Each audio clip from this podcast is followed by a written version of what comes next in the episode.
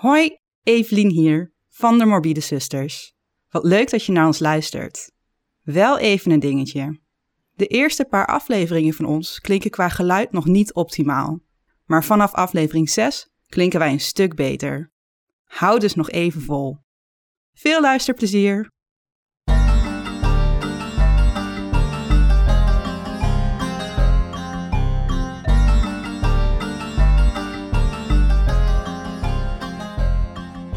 Welkom bij de derde aflevering van De Morbide Sisters. Een podcast over moord. Uh, mysterie.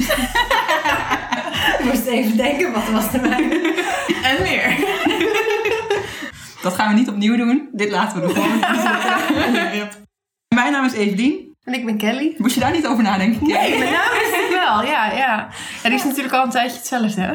Oh, Dat scheelt. Wel eventjes. En ik ben Tessa. Oh, ik wou net vragen, wie ben jij dan? Wie ben ik van Wat doe jij hier? Wat doe jij hier? En we zijn zijn naar een leuk verhaal gaan luisteren. Ja, want ik ben super enthousiast. Ik mocht net al niks, niet te veel vertellen, want ik ben erg enthousiast over het verhaal. Hadden jullie al gespiekt wat de titel was? Nee, ik heb een keer niet gespiekt. Oké.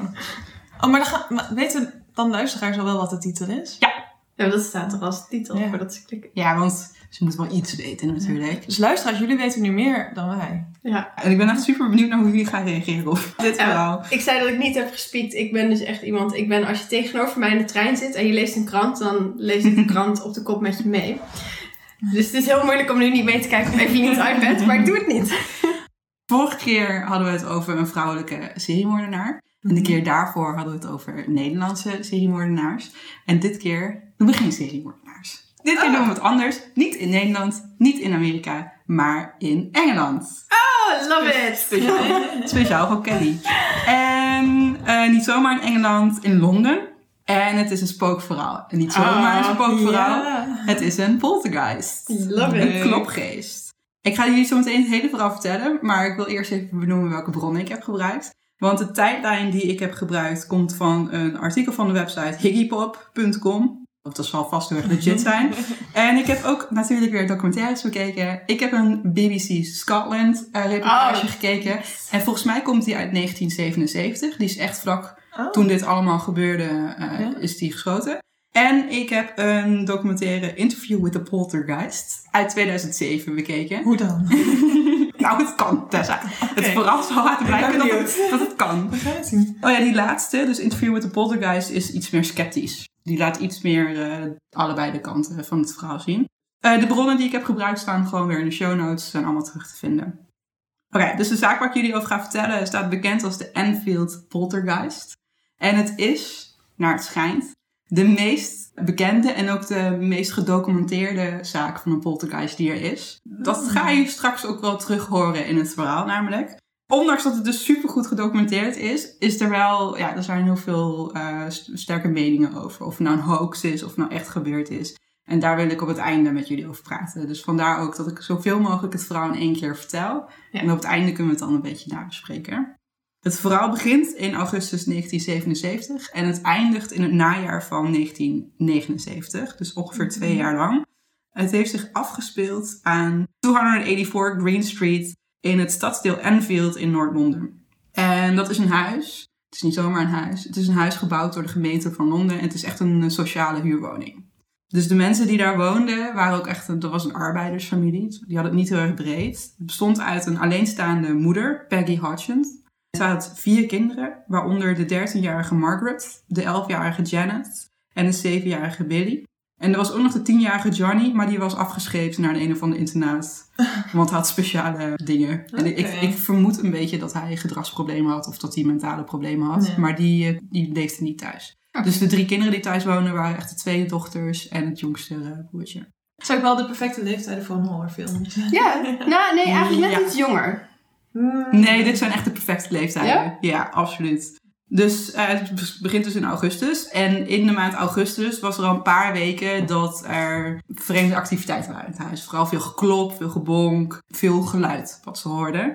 Dat was al een, paar, tijdje gaande. Maar op 30 augustus werd het ineens veel erger. Want toen claimde de 11-jarige Janet dat het bed van de 7-jarige Billy uit zichzelf begon te bewegen. De volgende dag, rond half tien in de avond, hoorde Peggy heel veel lawaai uit de slaapkamer van de kinderen komen, van de meiden. En toen ze kwam controleren bij de kinderen, bleek dat de ladekast die bij de muur stond, uit zichzelf bewoog. En zij probeerde die telkens terug te duwen tegen de muur aan, maar het voelde alsof een onzichtbare kracht tegen aan het werken was. Dus het lukte haar niet goed om die ladekast op zijn plek te duwen. Dit was wel een beetje op het moment dat Peggy dacht van, nou, laten we, eens uit het huis gaan.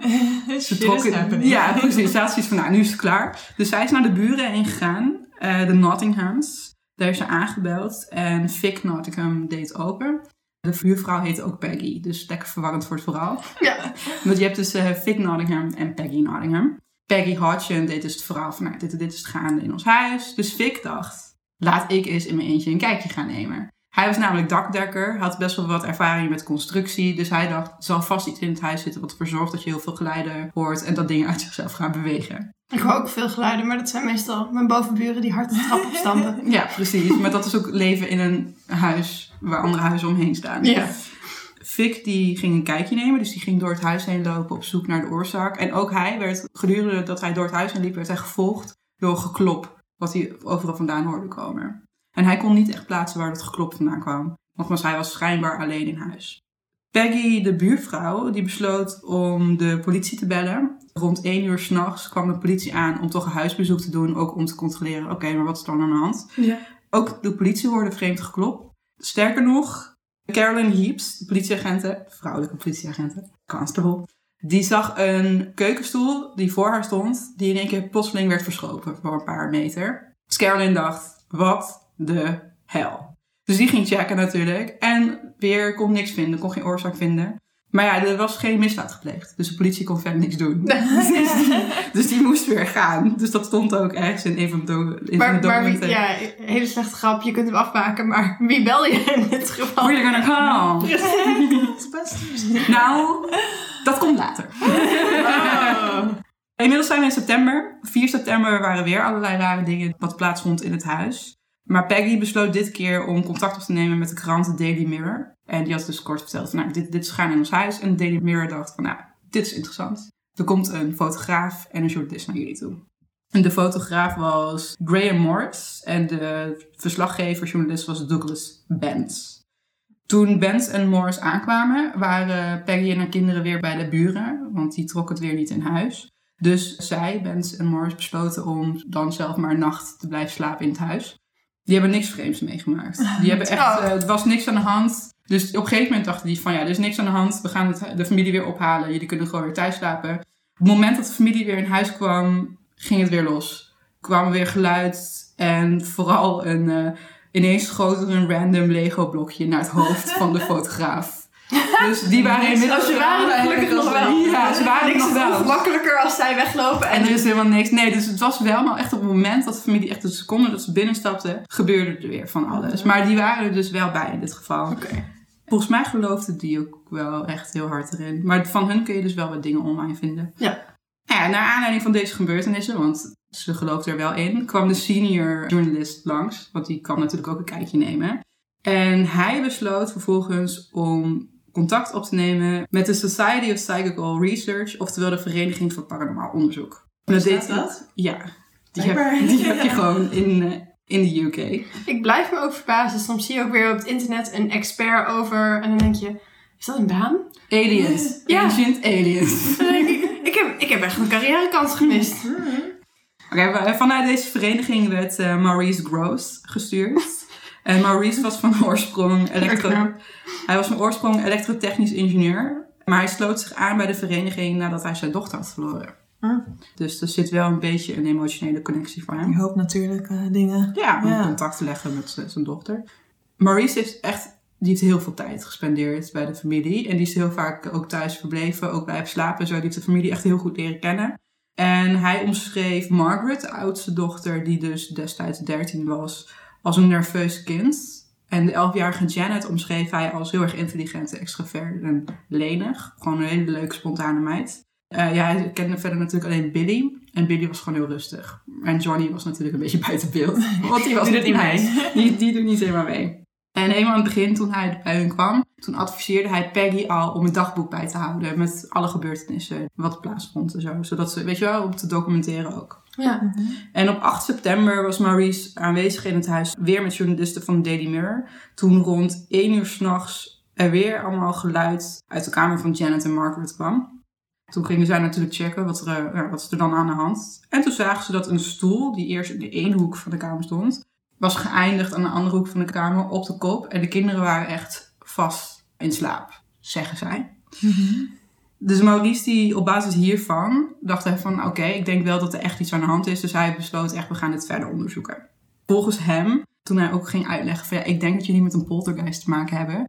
Hij claimt dus dat Peggy en de kinderen echt geen idee hadden wat dat was. Die het echt voor het eerst hadden gehoord van een poltergeist. Wat is dat dan? Bla bla bla. Dus voor hem was dat ook echt een teken van deze mensen weten helemaal niet wat er in hun huis aan de hand is. Kwam natuurlijk weer heel erg over van dit is heel echt. Dit kun je niet faken. Ja.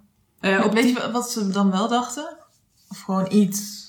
dat van ja, we worden gewoon lastig gevallen. Ja. Heel nuchtere familie op zich hoor. Als je beelden van hun ziet, van, ook van die tijd.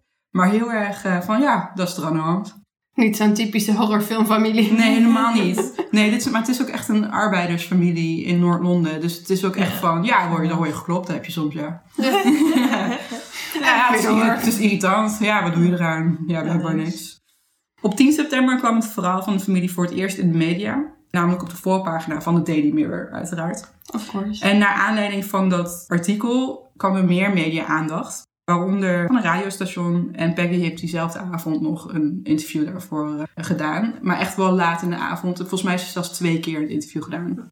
En diezelfde nacht kwam ook Rosalind Morris. Volgens mij niet gerelateerd aan eh, Graham Morris van net.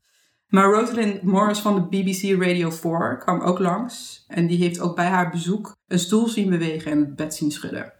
Ook zij heeft Peggy en Maurice geïnterviewd. En haar reportage is ook de volgende middag uitgezonden. Dus in de korte tijd best wel wat eh, aandacht. media-aandacht. Dag later, dus we zitten nog in september, arriveerde Guy Playfair. Hij was ook lid van de vereniging waar Maurice lid van was. En Guy was journalist en schrijver. En hij kwam ook echt om Maurice bij te staan. Dus zij waren samen het onderzoeksteam. Die dus ging onderzoeken wat er daar aan de hand was. Ja. Eind september was het weer zo erg raak dat Peggy met haar kinderen uit huis is gevlucht. En dit keer is ze naar haar broer heen gegaan, John Burkham. En hij woonde echt heel dichtbij, slechts een paar eh, deuren verderop, met zijn vrouw Sylvia. Daar is Peggy dus met haar kinderen heen gegaan.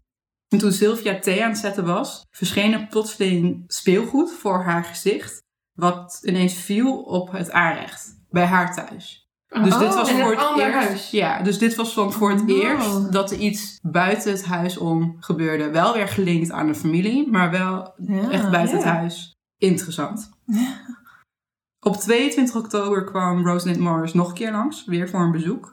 En dit keer had zij zelf opnameapparatuur meegenomen. En daarmee heeft ze ook onder andere het geklop opgenomen. En nou, ik had al heel vaak over het geklop gehad. Daar heb ik ook een audiofragment van.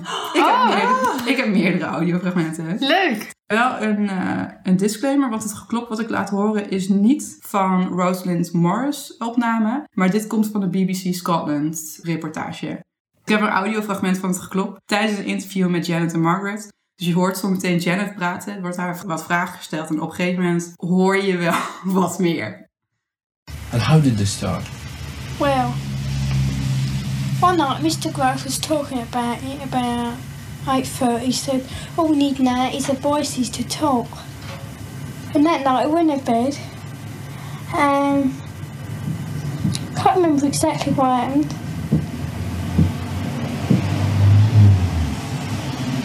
And What's that knocking? yeah, that's can hear it now. I was doing that yesterday morning, and Peggy was on her own, so she come in to us because it wasn't her. She come in. We sat together and we heard it, and I counted down many knocks, and there was fourteen altogether, and it's doing it again now. Dus net hoorde je ook nog Margaret praten. Eh goede accent hebben ze, hè? Ja, lekker.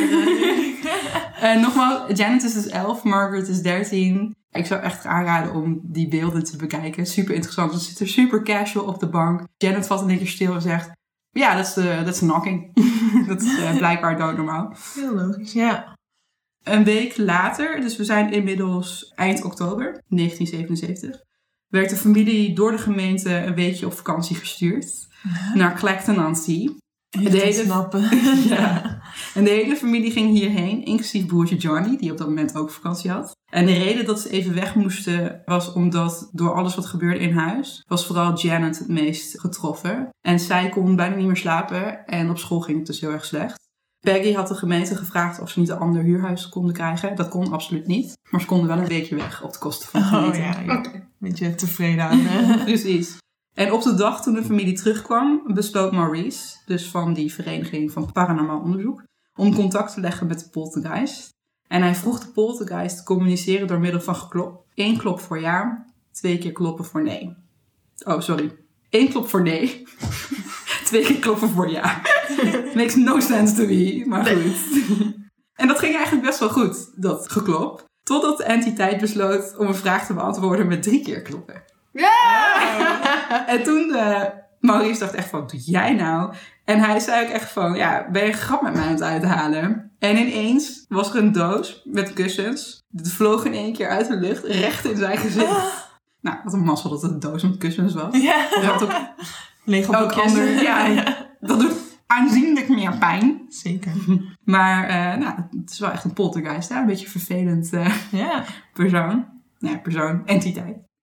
Guy, dus de andere researcher van het duo Maurice en Guy, die besloot om een Argentijnse helderziende, Eduardo Balanovski, langs te laten komen. Oh ja, alvast een opmerking. Er komen er meerdere mediums en helderzienden en zo voorbij. Tuurlijk. In dit waaronder een Nederlander. Die heeft wel een grote rol. Ah. Nou ja, vind ik dan. Maar Eduardo die kwam dus langs en hij liep met een magnetometer door het huis om onregelmatigheden op te sporen in het elektromagnetische veld rondom Janet en Margaret. Want het was nu al best wel duidelijk dat het meeste zich rond die twee eh, afspeelde. Ja. En terwijl hij dit deed, werd Janet's kussen twee keer door haar slaapkamer gegooid, uit het niets weer. Eduardo die constateerde ook dat er een verandering was in de waarde van het elektromagnetische veld. Op 12 november, nadat Janet om 5 uur 's ochtends uit haar bed was gegooid, samen met haar matras, Oh, fijn. besloot Peggy om zelf te communiceren met de entiteit. Ja. Dat deed ze doordat ze al overal in huis was er random eh, pen en papier neergelegd. Maurice had haar geadviseerd van dat moet je doen. Want dan heeft de poltergeist gelegenheid om je bericht achter te laten. Dus, maar dit was wel het moment dat Peggy dacht van... Nou, ik ga nu ook echt vragen van... Wil je een bericht aan mij schrijven? Ja. Nou, vijf minuten later... Hij is vrij punctueel.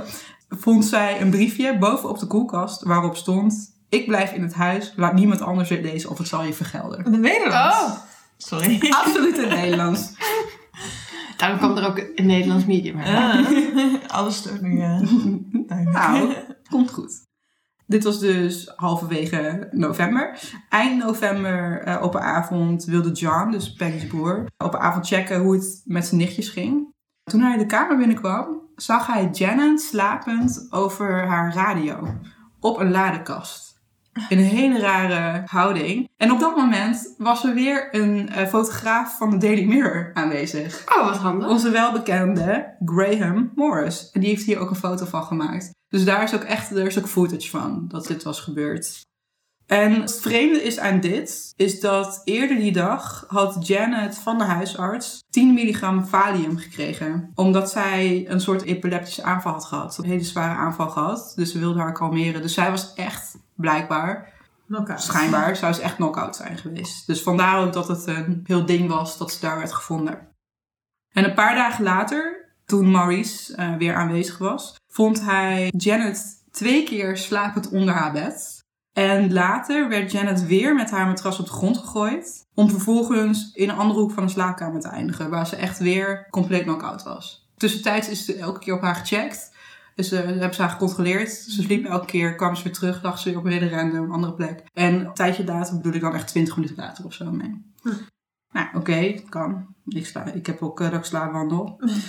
en de volgende dag kwam er weer een helderziende langs. En dit keer was het een Braziliaan en hij heette Luis Gasparetto. En hij zorgde vooral voor spirituele hulp. En hij heeft ook echt tijdelijk voor wat verlichting gezorgd in het huis. De familie had dat hier eh, geen idee.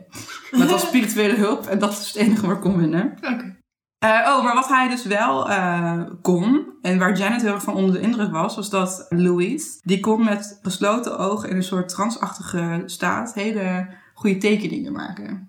Duurde dan ook niet veel later, voordat Janet ineens zelf dat soort tekeningen produceerde. Er waren er negen in totaal En ik kan de tekeningen het beste samenvatten als dood en verderf. Het waren niet de meest prettige Nee. tekeningen die een elfjarige kan maken. Oh, maar de poltergeist leek tot nu toe nog gewoon best een beetje echt zo'n plaatfeestje. Ja, Ja. dat, was gewoon, dat is toch ook een klopgeest. Dus Ja, een qua jongen. Ja. Oké, en dan ergens gaan we dan naar december. Nogmaals, dit is nog steeds in hetzelfde jaar. Ergens begin december werd na één uur s'nachts Janet weer uit haar bed getrokken. Alleen dit keer voor het eerst belandde ze buiten haar eigen slaapkamer. Peggy zag dat de slaapkamerdeur open ging. En Maurice vond Janet, die nog steeds sliep, onderaan de trap met haar hoofd zo naar beneden. Oh, Kan gebeuren. nou. Het wordt steeds erger, hè? Dat is een Ja. beetje, het wordt steeds intenser. Dus twee dagen later besloot David Robertson, een student van Maurice en Guy, om zich ook aan te sluiten bij het eh, duo, het research duo. Dus nu is het een research trio. En op 10 december kwamen er nog twee leden van hun vereniging langs voor een huisbezoek. Het gaat hier om Dr. John Beloff. Beloff, Beloff. En hij was hoofd van de psychologieafdeling van Edinburgh University. En ook Anita Gregory van North London Polytechnic kwam langs. Toen zij er waren, besloot Maurice om weer contact te maken met de poltergeist. Want ja, moet je toch eh, regelmatig doen. Wat Maurice vooral wilde, was dat de poltergeist zijn stem liet horen. Dus dat er echt voor het eerst gepraat zou worden. Nou, is weer, dat contact maken is echt heel erg van... hey, laat jezelf horen. Weet je wel, ik wil gewoon dat je praat, bla bla bla. Best wel zoals je dat normaal ook met iemand zou doen. Uh-huh. En eerst hoorden ze vooral alleen wat gefluit en geblaf. Maar daarna kwam een hele rauwe, grove, mannelijke stem uit de elfjarige Janet. Echt? Ja. Oh mijn god. En de stem identificeerde zichzelf als Joe Watson. En dit hele gesprek met Joe Watson is opgenomen door Maurice op tape. Ik heb een audiofragment uit de documentaire Interview with the Poltergeist. waarin je hoort dat Maurice dus probeert contact te leggen met de poltergeist. En op een gegeven moment hoor je een stem. Nogmaals, je moet het echt gaan kijken. Maar dat komt dus schijnbaar uit Janet. Ik ben heel benieuwd. I challenged it to talk. Let me hear you say my name. That's not my name. Nice. Now, say Dr. Belloff. Come on. On, say it for me, Dr.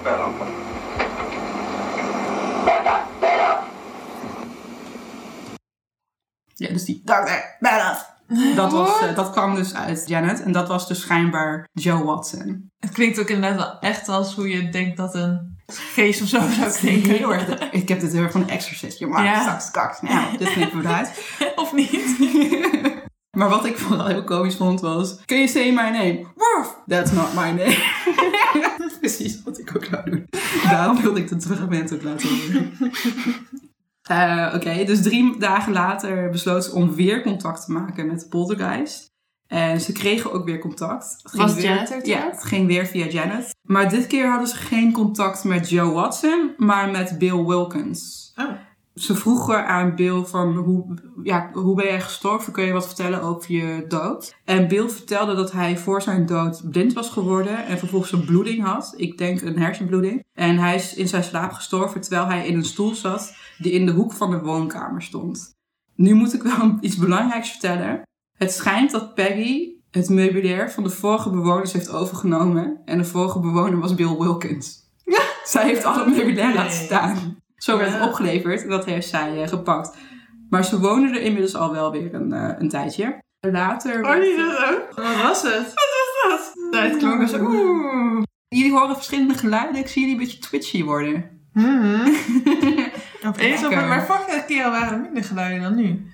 Dat we een podcast opnamen. Ja. Ja, nou komt omdat ik een hele grote bagage heb met heel veel poltergeist. Die heb ik hier net losgelaten. Oké, nu gaat het... het eh, hier doen. hè. Het is niet mijn huis, dus het komt goed. Ja. Oh, vanavond blijf je niet logeren. Nou, je weet bij wie ik aanklop, hè? Ik niet kan slaven. Oh, dat ging wel hot als iemand aanklopt vannacht. God. Het schrikt me altijd rot als er iemand aanklopt. Ja, oh mijn god, dat moet ik sociaal doen. Ja, precies. Vooral dat. Er was dus contact gemaakt, dus schijnbaar, met Bill Wilkins, de vorige bewoner van het huis. Ik weet niet precies hoe dit is gebeurd, maar later werd Maurice benaderd door Terry Wilkins. En hij was de zoon van Bill. Terry werd dus laten horen wat er werd gezegd op de tape. En Terry zei, ja, dit is echt exact hoe mijn vader is overleden. Dus Terry zelf, hij kwam ook in beeld in een van de reportages die ik heb gezien. En hij leek best wel van overtuigd te zijn. van, Ja, dit, is- dit is mijn vader. Eh, alleen twijfelde Maurice dus heel erg aan of het wel echt de geest van Bill Wilkins zou zijn. Want een poltergeist, ja, die neemt je heel graag in de maling. Oh, ja. Dus het kan ook natuurlijk gewoon allemaal volgens Maurice gefaked zijn. Zeker Eh, omdat ja. het al twee verschillende namen heeft. Ja, dus Of Joe hij heeft eh, multiple personality disorder. Maar ja, als het de poltergeist is, dan zou dat kunnen. Want dan is hij gewoon keihard met je aan het kutten. Ja. Maar hij neemt dus niet weg dat Janet wel weer met een hele rauwe mannelijke stem eh, aan het spreken was. En dit was op een gegeven moment natuurlijk wel een ding van ja, doet ze dat dan zelf? Of is dat dan echt iets anders? En er zijn verschillende experts die denken dat zij dat echt wel zelf heeft gedaan. Waaronder een schijnbaar bekende buikspreker, Ray Allen. Want die zegt echt van ja, dat is gewoon, zij is een eh, buikspreker. Maar ik denk, ja, dat kan. Ja, sommige mensen hebben hidden skills. Nee, wel echt geniaal als ze dan opgroeit en dan buikspreker wordt. Wat wel een dingetje was, is dat de stem van Bill, die had net als Janet de neiging om plotseling van onderwerp te veranderen. Er was een gesprek over iets en ineens ging het over iets anders. Maar Janet deed dat ook. Want nogmaals, ze was een elfjarig meisje. Ja. Dus die, die had ook niet altijd alle concentratie daarvoor. En wat ook wel een beetje een dingetje was, is dat het heel moeilijk was om überhaupt de lippen van Janet te zien bewegen, omdat ze een heel groot gebit had. Oh. 1977 in Londen, hè? In een arbeidersgezin. Dus, maar je moet maar eens naar beelden Nee, kijken. maar heeft nou, want dat kan ik niet goed horen. Heeft de feest nou ook een Cockney accent? Of als het Cockney is, dat denk ik. Maar... Oh, zo meteen hoor je hem wat langer spreken. Ik heb nog wel een ander fragment. Oh, wat goed dat je het zegt, want nu komt dat fragment. Nou. Alsof je het wist. Dit is ook van een BBC-reportage. en hier hoor je Janet iets langer. Dit is volgens mij de stem van Bill waarmee ze hier praat. Why do you think he comes and speaks through you? Tonight, to annoy us. Does he ever say anything nice? Well, don't know really. Shall we Says- try and speak to him? No. We'll see if he'll speak to us. Yeah, Is anybody there? No, no. Who's there? Doctor uh, Doctor Who?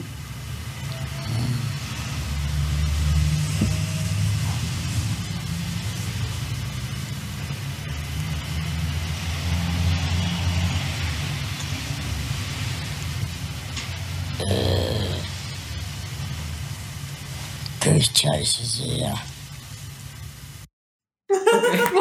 Sorry. ik vind hem echt heel cool. Ook leuk dat hij ook nog klopt. Nou, Most common joke. Maar wat je dus eerst hoorde in het fragment was dus de stem van Janet, die Ja. dus zelf sprak. En later was het dus, volgens mij was het dus één van, eh, Een van de dokter. Maar het is dan, het is altijd dit soort dingen. Het is altijd hele flauwe dingen. Ik vind het allemaal heel komisch, sorry. Heel interessant. En ook dat dat, dit is dus tijdens gewoon BBC Scotland was daar. Oh, we doen een reportage hierover. Zullen we kijken of we met hem kunnen praten? Oh, we could try. Knock, knock. sorry.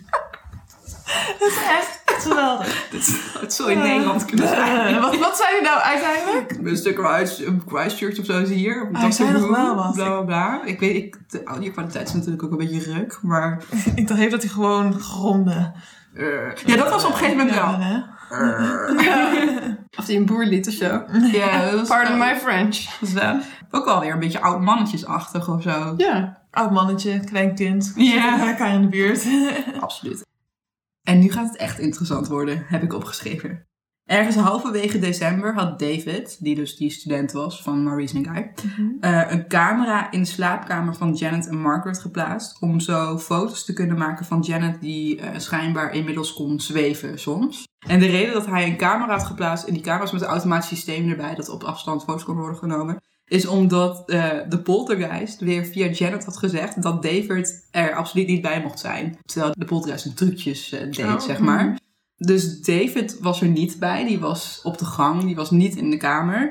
Alleen waar de poltergeist dus schijnbaar geen rekening mee had gehouden, is dat de gordijnen niet dicht waren van de slaapkamer van Janet. En zij ging weer schijnbaar zweven, echt horizontaal zweefde ze in de lucht. En op dat moment ze er buiten, waren twee ooggetuigen. Één man bij de buren die daar brood aan het afleveren was. En die hoorde lawaai vanuit het huis van Hodgins. Dus die keek op en die zag het tafereel gebeuren.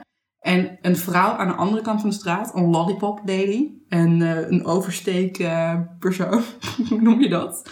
Een verkeersregelaar. Ja. Een verkeersregelaar. Die keek blijkbaar ook op dat moment op. En die zag dus ook exact hetzelfde. Die zijn ook geïnterviewd en die zijn ook in een van de reportages die ik had gekeken terug te zien. En die waren er echt heel erg van overtuigd. Van, ja, dit is echt, wat is hier gaande? En die vrouw vertelde nog van, ja, ik ben later naar huis heen gegaan. Ik dacht van, nou, ik ga dat zelf ook even proberen. en toen kwam ze erachter dat dat toch niet ging. En toen vond ze het toch allemaal wel erg vreemd. Ik heb ook wel een foto van mijn vader in die tijd dat hij zweeft. Mhm. Was die gesprongen en op dat moment een foto gemaakt? Natuurlijk niet, hij zweefde. Fair enough. Oh, wel een belangrijk detail. Dit hele zweefgebeuren, dit gebeurde op de dag dat Janet voor het eerst ongesteld werd. Carrie! Oké. Maar is het Ah. op de foto gezet ook dat ze zweefde? Dat is Door de gesteld werd. Ja, dat, eh, er zijn wel foto's van dat zij schijnbaar zweeft, maar dat was niet wat die ooggetuigen zeiden. Die zeiden echt van, zij lag echt als een plank horizontaal. En eh, die foto's komen ook op de website te staan, maar dat is meer alsof iemand springt van een bed. Oké. Oké, tijd voor nog een helderziende. Eh, dit keer kwam de Brit Matthew Manning langs. En hij heeft voor langere tijd met Bill eh, Wilkins gesproken. Weer via Janet natuurlijk. Ook eh, Matthew Manning zag uit zichzelf dingen bewegen. Niet veel later kwam de Amerikaanse goochelaar en paranormaal onderzoeker Milborn Christopher langs. Een Goochelaar en paranormaal. Ja, een scepticus dus. Oké. En nou ja, hij maakte heel veel indruk op de kinderen, want goochelaar. en hij was super sceptisch. Hij zag eh, een paar uur later, rond bedtijd weer, zag hij Janet uit haar bed glippen, uit haar slaapkamer glippen. En zij zat boven aan de trap naar beneden te gluren. En hij beschreef het als het leek net alsof het een plan was om een plannetje te smeden of zo. Weet je wel? Om iets in scène te zetten of zo. En volgens Christopher was dit overduidelijk bewijs van dat het een hoax is. Oké. Dat was Ja. ook dan Maar, kleine kinderen zijn wel vaker van ongeheim van plan. Van alles wat je kan benoemen van dit is feit dat het een hoax is, denk ik niet dat dit het ding is. Nee, precies. Het, is, het zou niet mijn eh, belangrijkste bewijs zijn. Twee dagen voor kerstmis, 1977. We zitten nog steeds in 1977. Gingen plotseling twee goudvissen van de familie dood. En later op de dag heeft Bill, weer via Janet, toegegeven dat hij dat had gedaan. Dat hij daar verantwoordelijk voor was. Mhm. En zoals ik al zei, was er best wel wat, waren best wel mensen sceptisch over of dat geluid van de stem nou van Janet zelf kwam. Of dat het echt een entiteit zou zijn geweest. Ja. En Maurice die had blijkbaar besloten van ja, ik wil nu wel gewoon bewijs hebben. Dit is een klein beetje kindermishandeling, vind ik. Maar wat hij heeft gedaan, is hij heeft Janet's mond met water gevuld en dichtgetaped.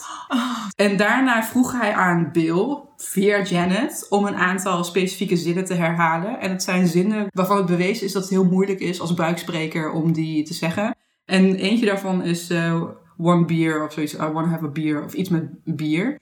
En volgens de mensen die er dus bij waren, waaronder dus Maurice, eh, die zeiden dat het dat alles wat ze net hadden gedaan totaal geen invloed had op de helderheid van de stem van. Janet. Dus zij waren er op dat moment compleet van overtuigd van ja, dit is niet, zij maakt het geluid niet zelf, het is iets anders wat het geluid maakt. Maar ik zou, ik zou ergens dan verwachten dat het wel via haar stem gebruik is. Maar dat is dus ook helemaal niet. En er zijn dus verschillende testen gedaan eh, om te controleren of, Janet, of inderdaad nou echt Janet's stem was of niet. Daar kun je op internet heel veel over vinden. Heb ik verder niet heel erg veel in verdiept. Maar Janet claimde zelf altijd dat het voelde alsof het helemaal van achter in haar nek kwam. En volgens expert kwam het geluid ook heel erg achter in haar nek. En wat wel een dingetje was, jullie hebben net de stem gehoord, maar het is echt... Ja, ik weet niet, ik heb gisteren een half uur lang geprobeerd om het na te doen. Mij lukte het niet. Misschien als ik jonger was geweest dat het me wel was gelukt. Maar ik kreeg wel echt al heel snel pijn. Dat is echt zwaar. Om, Ja. Grunten in muziek is ook heel slecht voor je, eh, voor je Mhm. stemband. Janet die sprak soms echt wel voor twee uur lang met die stem. En nergens last van. En niet zoals Andy Circus, dat ze een bepaalde Gollum juice had. Wie? Van de Lord of the Rings, Andy Circus. Ja, dat gaat voor mij al... Oh ja, eh, ik denk- ja, mij geen. Die, ke- die, oh nee. Ik hou niet... schijt Toen heel hij, van toen hij die, die stem voor een Gollum heeft gedaan, had hij, want dat was dus ook heel vermoeiend voor zijn stem, had hij bepaalde Gollum juice, noemde hij dat. Het was een bepaald mengseltje van dingen Oh, die goed zijn voor je stem Dat om het vol te eh, houden. van de vrouw die het stem deed van, eh, in The Exorcist. Van eh, dat meisje. Die moest echt een pak shag wegroken en heel veel whisky. En dan pas kon ze met die stem praten. Dus dat is... eh, dan kun je daarna ook drie dagen niet meer praten. Nee, nee, maar je stem is ook is gewoon, ook gewoon eh, je stemband is ook gewoon spieren. Is Ja, gewoon dus daar moet sport. je, moet je ook gewoon netjes mee omgaan. En ik heb weer een laatste audiofragment eh, van de BBC-reportage. Waarin Janet uitlegt hoe het voor haar voelt om met stem te praten. Ehm, Janet is nogmaals niet altijd even goed verstaanbaar vanwege haar. eh, Mooi accent. eh, de man die eerst wordt praten is Guy, dus een van de onderzoekers. How do you do it, mate? God, they cowards.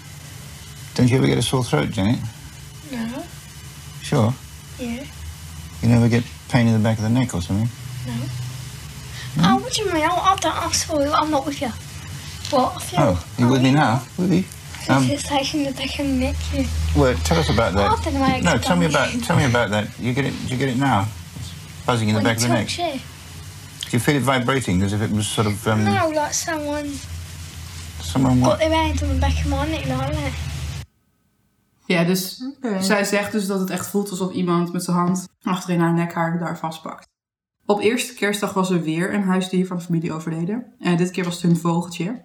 Dit keer eh, was niet Bill degene die claimde dat hij er verantwoordelijk voor was. Soms gaan ze gewoon dood. Ja, dat, dat kan. Dat, kan. dat heb je vaker met vogels. Eh, later op de dag toen Janet in de woonkamer zat, dus weer op met kerstmis, opeens wikkelde het gordijn zich om haar nek. En dat is in totaal acht keer gebeurd. Oh, En nu wordt het smerig.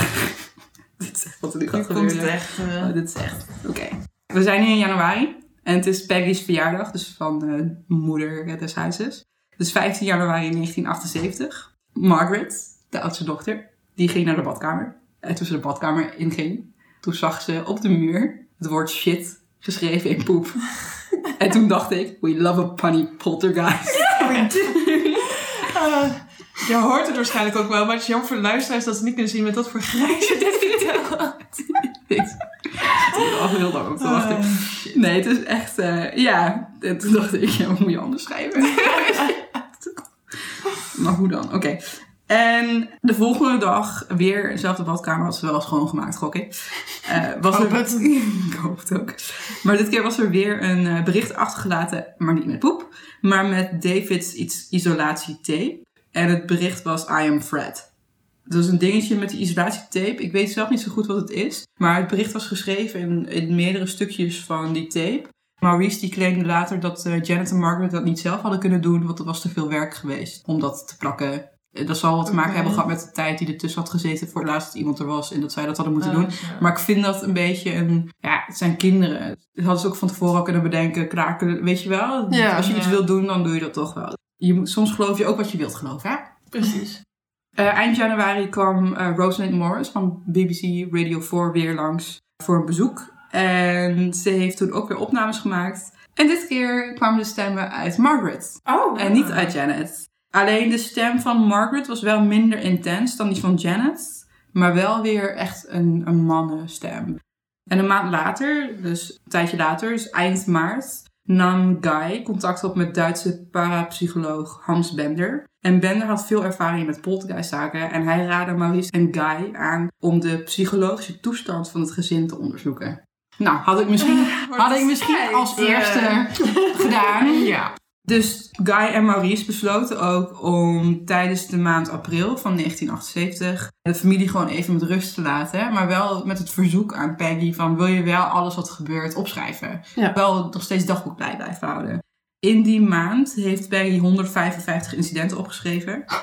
En wat In één maand. ja, en wat opviel was dat ze steeds vaker menselijke figuren zagen verschijnen. En regelmatig eh, ontstonden er kleine brandjes in huis. Oh, fijn. Heel veilig. Nou, als je nou een goede verzekering hebt. misschien is het wel gewoon helemaal daarvoor. Het- ja. Ik bedoel, het blijft een gezin die het niet heel makkelijk had op dat Weet, ja. moment. Halverwege mei besloot de paranormale vereniging, waar Maurice en Guy bij zaten, om een commissie te sturen om eh, zich te verdiepen in de Enfield poltergeistzaak. Deze commissie kwam tot de conclusie dat er wel oprechte aanwijzingen waren voor activiteiten van een poltergeist, Maar voor bepaalde dingen was er gewoon geen bewijs en daar wilden ze ook geen uitspraken over doen. Eind mei gingen Janet en Margaret buiten spelen. Toen raakten ze in een discussie met kinderen in een tuin naast hun. Nou, ja, discussie, dus het zal wel een beetje een ruzie of zo zijn geworden. En ineens werden er stenen en dergelijke naar hun gegooid. Dus Janet en Margaret dachten van, oh, dat zijn die kinderen van hiernaast. Totdat plotseling uit alle richtingen Oh. stenen kwamen. En schijnbaar is ook een van de buren geraakt. Die was alweer heel boos op hun. Terwijl zij dachten van, ja maar, huh? Het komt toch van jullie vandaan? Ja. Dus, dat was, eh, dus dit was echt buiten in de tuin. Dus niet in huis zelf weer. Dat dit zo lang heeft geduurd. Maar in juli 1978 werd Janet eindelijk opgenomen in het Maudsley ziekenhuis voor psychologisch onderzoek. Je moet je wel voorstellen dat alles had met haar te maken. Hè? Ja. Ze hebben haar elke test die je kan bedenken gegeven. Uit elke test kwam eigenlijk naar voren dat ze gezond was, dat er niks aan de hand was. Maar tijdens haar opname in het ziekenhuis had ze bijna geen last van paranormale verschijnselen. Of eigenlijk gewoon helemaal geen last. Ja. En Maurice die omschreef dit, of volgens Maurice kwam dit omdat zij geen stress had. Dit is iets ook wat ik vaak heb gelezen, maar hij zegt ook van poltergeistactiviteiten ontstaan door de aanwezigheid van grote hoeveelheden stress in een huishouden. En meestal ook nog eens gepaard met puberteit. Oké. Oh, Dus nee, omdat dat lees je vaker. eh Er zijn zoveel leerlingen van mij die waarschijnlijk last van poltergeisten hebben. nou, weet ze nu wel hoor. Ja. En wat dus ook best wel belangrijk is, wat ik aan het begin namelijk niet heb verteld, is dat één tot twee jaar voordat dit alles begon, zijn Peggy en haar man, dus de vader van de kinderen, gescheiden. En het was ook niet een hele prettige scheiding. In het begin kwam hij nog wel eens langs om alimentatie te brengen, maar al heel snel nam hij zijn nieuwe vriendin mee. En de kinderen hebben volgens mij ook totaal geen goede band met hem. Wat ik uit de interviews kon halen was niet heel erg positief. En je kunt je wel voorstellen dat dit, het was al een arbeidersgezin en nu was Peggy in één keer alleenstaande moeder. En ik kan me voor 1977, 1978 in Londen, dus geen prettige tijd. Dus het heeft heel veel impact gehad op de kinderen. Ja, Ja. precies. Dat bovenop dat je door de puberteit heen gaat. Ook al niet de Eind leukste jaren tijd. 70. Ja, in die tijd. Maar goed, tijdens de zes weken dat Janet in het ziekenhuis heeft gelegen, was er dus eigenlijk bijna niks aan de hand. En, eh, en ze was op een gegeven moment ook gewoon gezond verklaren. Toen was ze naar huis. Ze was nog geen half uur thuis en toen zag ze een figuur in de vorm van een klein jongetje in de keuken staan. Zie ik zei, klein, jongere kinderen. Normaal zijn het meisjes met lang zwart haar. Ja, of met uh, matchende blauwe jurkjes. Ja. En die heel Kan veel Synchroon, synchroon pla- praten, hè? Altijd. En nu komt een Nederlander in actie. Eh, Ehm, via Guy kwam in oktober 1978 de Nederlandse helderziende Dono Gmelig Meiling. Nooit van gehoord. Kon helemaal niks van hem vinden. Schijnt in Amsterdam gebaseerd te zijn. Dono Gmelig Meiling. Het schijnt in Nederland. Hij is onvindbaar. Dus ik, dit zal een artiestennaam zijn geweest of zo. En de grap is ook dat hij sprak geen Engels. Dus niemand wist... Nou, het is absoluut geen Nederlander van nu.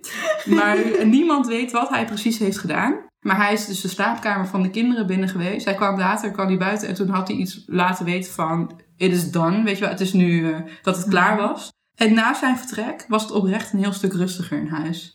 Was het niet meer zo insane als daarvoor. Maar een jaar lang waren er nog wel eens wat incidenten. Maar dus absoluut niet meer zoals het eerst was. En het werd al helemaal rustig toen in het najaar van 1979 een priester naar het huis was gekomen voor een zegening. Natuurlijk. En daarna was het eh, aanzienlijk rustig. Het was leefbaar schijnbaar. Hm.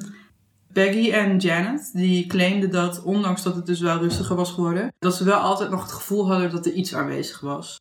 Maar desondanks hebben Janet en Margaret op zich wel redelijk normale levens geleid. Redelijk? Ehm, nou, jullie moeten eigenlijk een keer beelden van Janet gaan opzoeken, hoe ze er nu uitziet. Want die vrouw ziet eruit alsof ze duizend geesten heeft gezien in een avond of zo. Die, ziet er niet helemaal gezond uit. Precies logisch zoals we naar dit verhaal Ja. zou moeten zien. hè. Ja, echt heel sneu. Eh, wat ook wel heel erg sneu is, is dat Johnny, ondanks dat hij niet een hele grote rol had in het verhaal, hij is op 14-jarige leeftijd in 1981 overleden aan kanker. Het is gewoon heel sneu. Volgens mij is het een gezin wat altijd onder heel veel stress heeft geleefd. Dus als je gelooft in poltergeist, dan snap ik wel dat er eentje in hun huis zat. Wat wel interessant is om te weten is dat eh, Peggy, de moeder dus, tot haar dood in 2003 in dat huis heeft gewoond. Die is gewoon, ja... Die Maar was het geen keus? Of? dat is Nou, moeilijk, hè? Ik denk, Ja. ja. denk, ik denk Toen inderdaad al. ook dat eh, het zal ook een sociale huur, hè? Ja. Dus ik denk ook niet dat ze heel veel keuze had, inderdaad.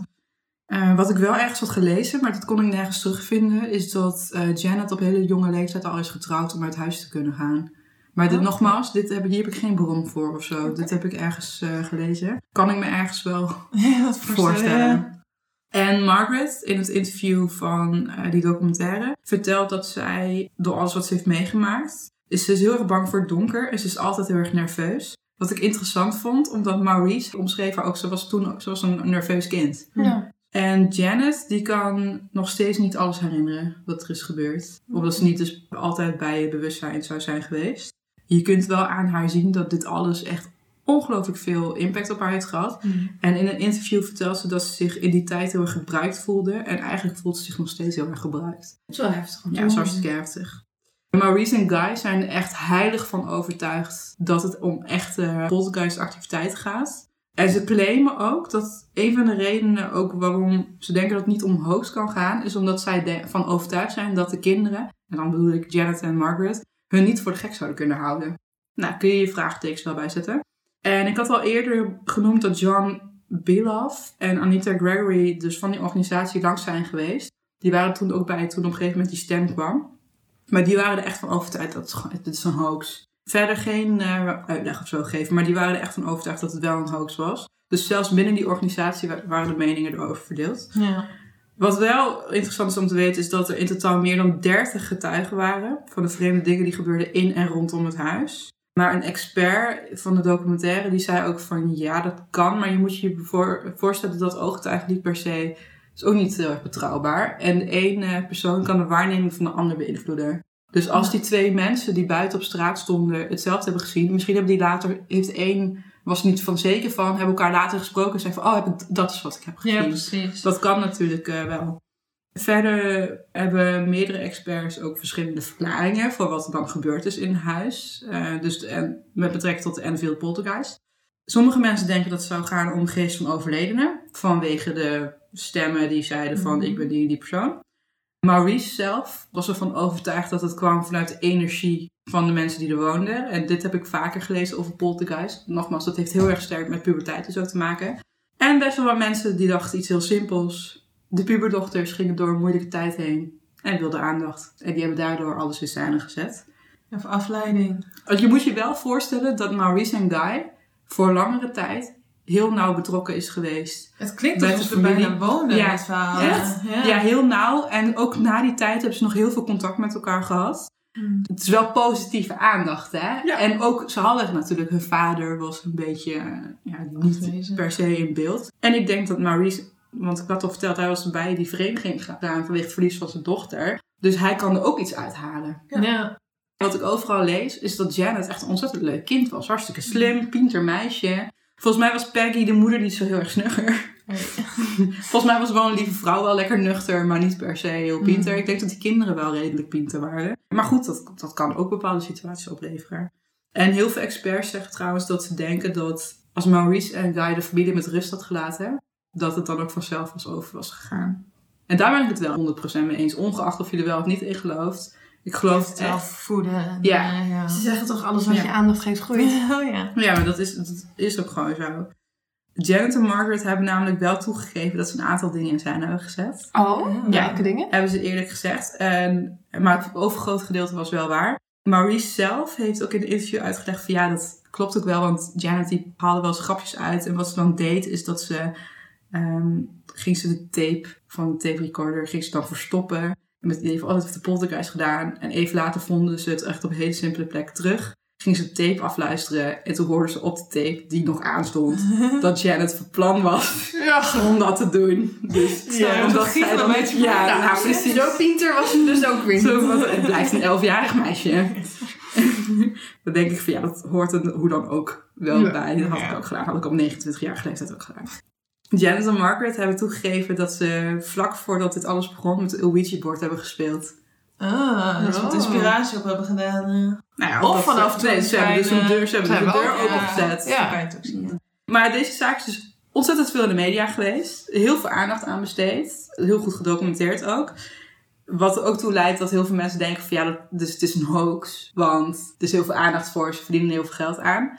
Dat is dus niet zo. De familie heeft echt nooit een cent verdiend aan eh, alle media-aandacht. Sterker nog, volgens mij heeft het hun veel meer negativiteit gebracht dan, eh, dan wat dan ook. Want ze zien er echt zwaar afgepeigerd uit. Deze zaak was de basis voor Steven Spielberg's Poltergeist uit 1982. En voor het tweede deel van The Conjuring uit 2016. Ah. Ik zit te twijfelen. Maar ja, ik onthoud geen film zoals we Ik weten. allebei Dus- Nou, het ding over The Conjuring, want die heb ik, ik heb ze allebei gezien. Mij. En in deel 2 lijkt het net alsof Ed en Lorraine Warren, dat zijn paranormale onderzoekers van Amerika, zijn best wel bekend eh, over de wereld. Lijkt het net alsof zij heel nauw betrokken waren bij deze zaak. Ik heb ze expres nergens genoemd. Want ze zijn maar drie keer langs geweest. En één keer was volgens mij contact op afstand. Die waren echt bijna niet bij betrokken. Dus ik dacht van, ik ga daar ook geen aandacht aan besteden. We gaan het absoluut nog een keer over hun hebben. Want zij hebben ook Annabelle, die pop, die Oh. bezeten zou zijn en wat andere dingen. En zij waren betrokken bij de Amityville Horror. Daar is deel 1 van The Conjuring op gebaseerd. Oké. En de Amityville Horror, dat heeft zich afgespeeld in 1975. van- Bij een familie die ergens in de staat New Jersey of zo. Die hadden daar een heel mooi eh, Dutch-stijl huis. Zo'n oude huisstijl, een Nederlands stijl. Dat was gekocht in een rijke wijk. Daar zou dan ook allemaal alles zijn gebeurd. Die zijn weggevlucht. Daar is het boek over geschreven. Dat boek is in 1977 uitgebracht. En dan denk je, wanneer is het boek dan uitgebracht?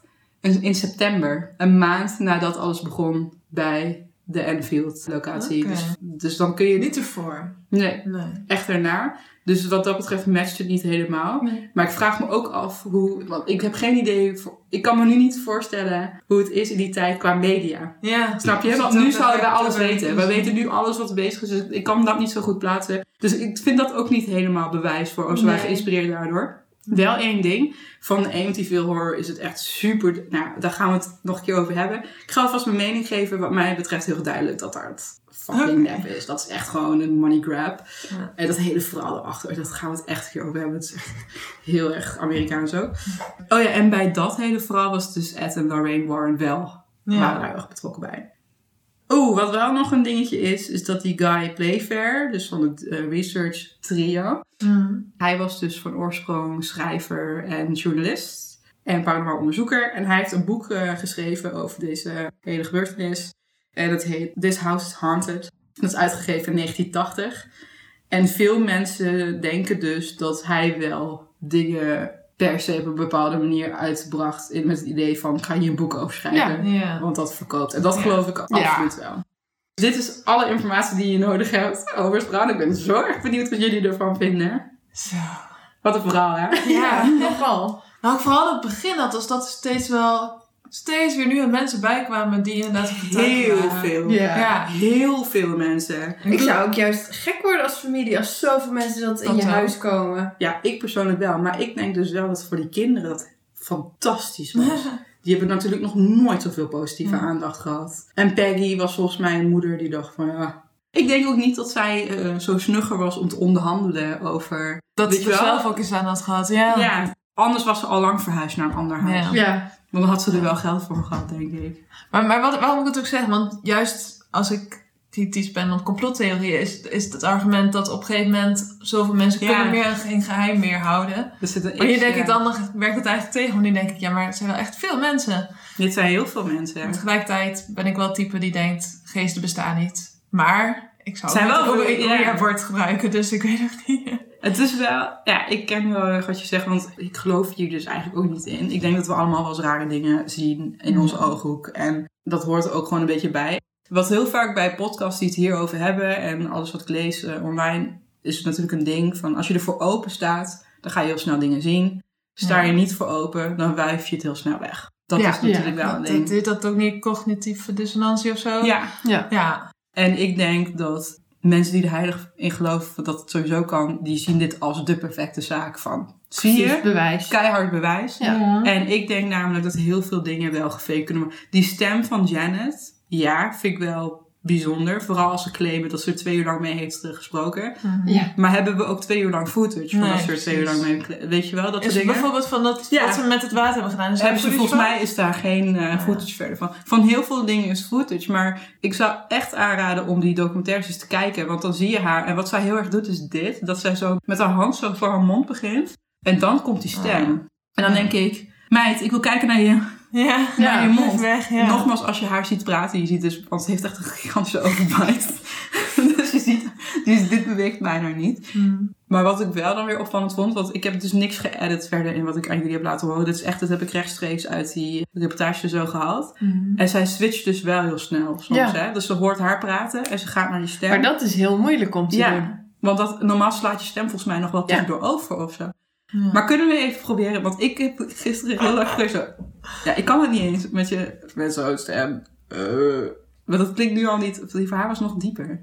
Oh, Wat moet ik dan zeggen? Ja, ik kan het ik, Ik weet het ook Ik niet. kan het klinkt heel snel. Eh, Nee. eh, klinkt een eh, beetje alsof ik uit LA kom en alles heel awesome is. Ja, oh my god. Oh my god. Oh my god. Oh. That's awesome, that's hard. Wat ook heel slecht voor je stem schijnt te zijn. Ja, Dus dit het is doe ik ook al een beetje.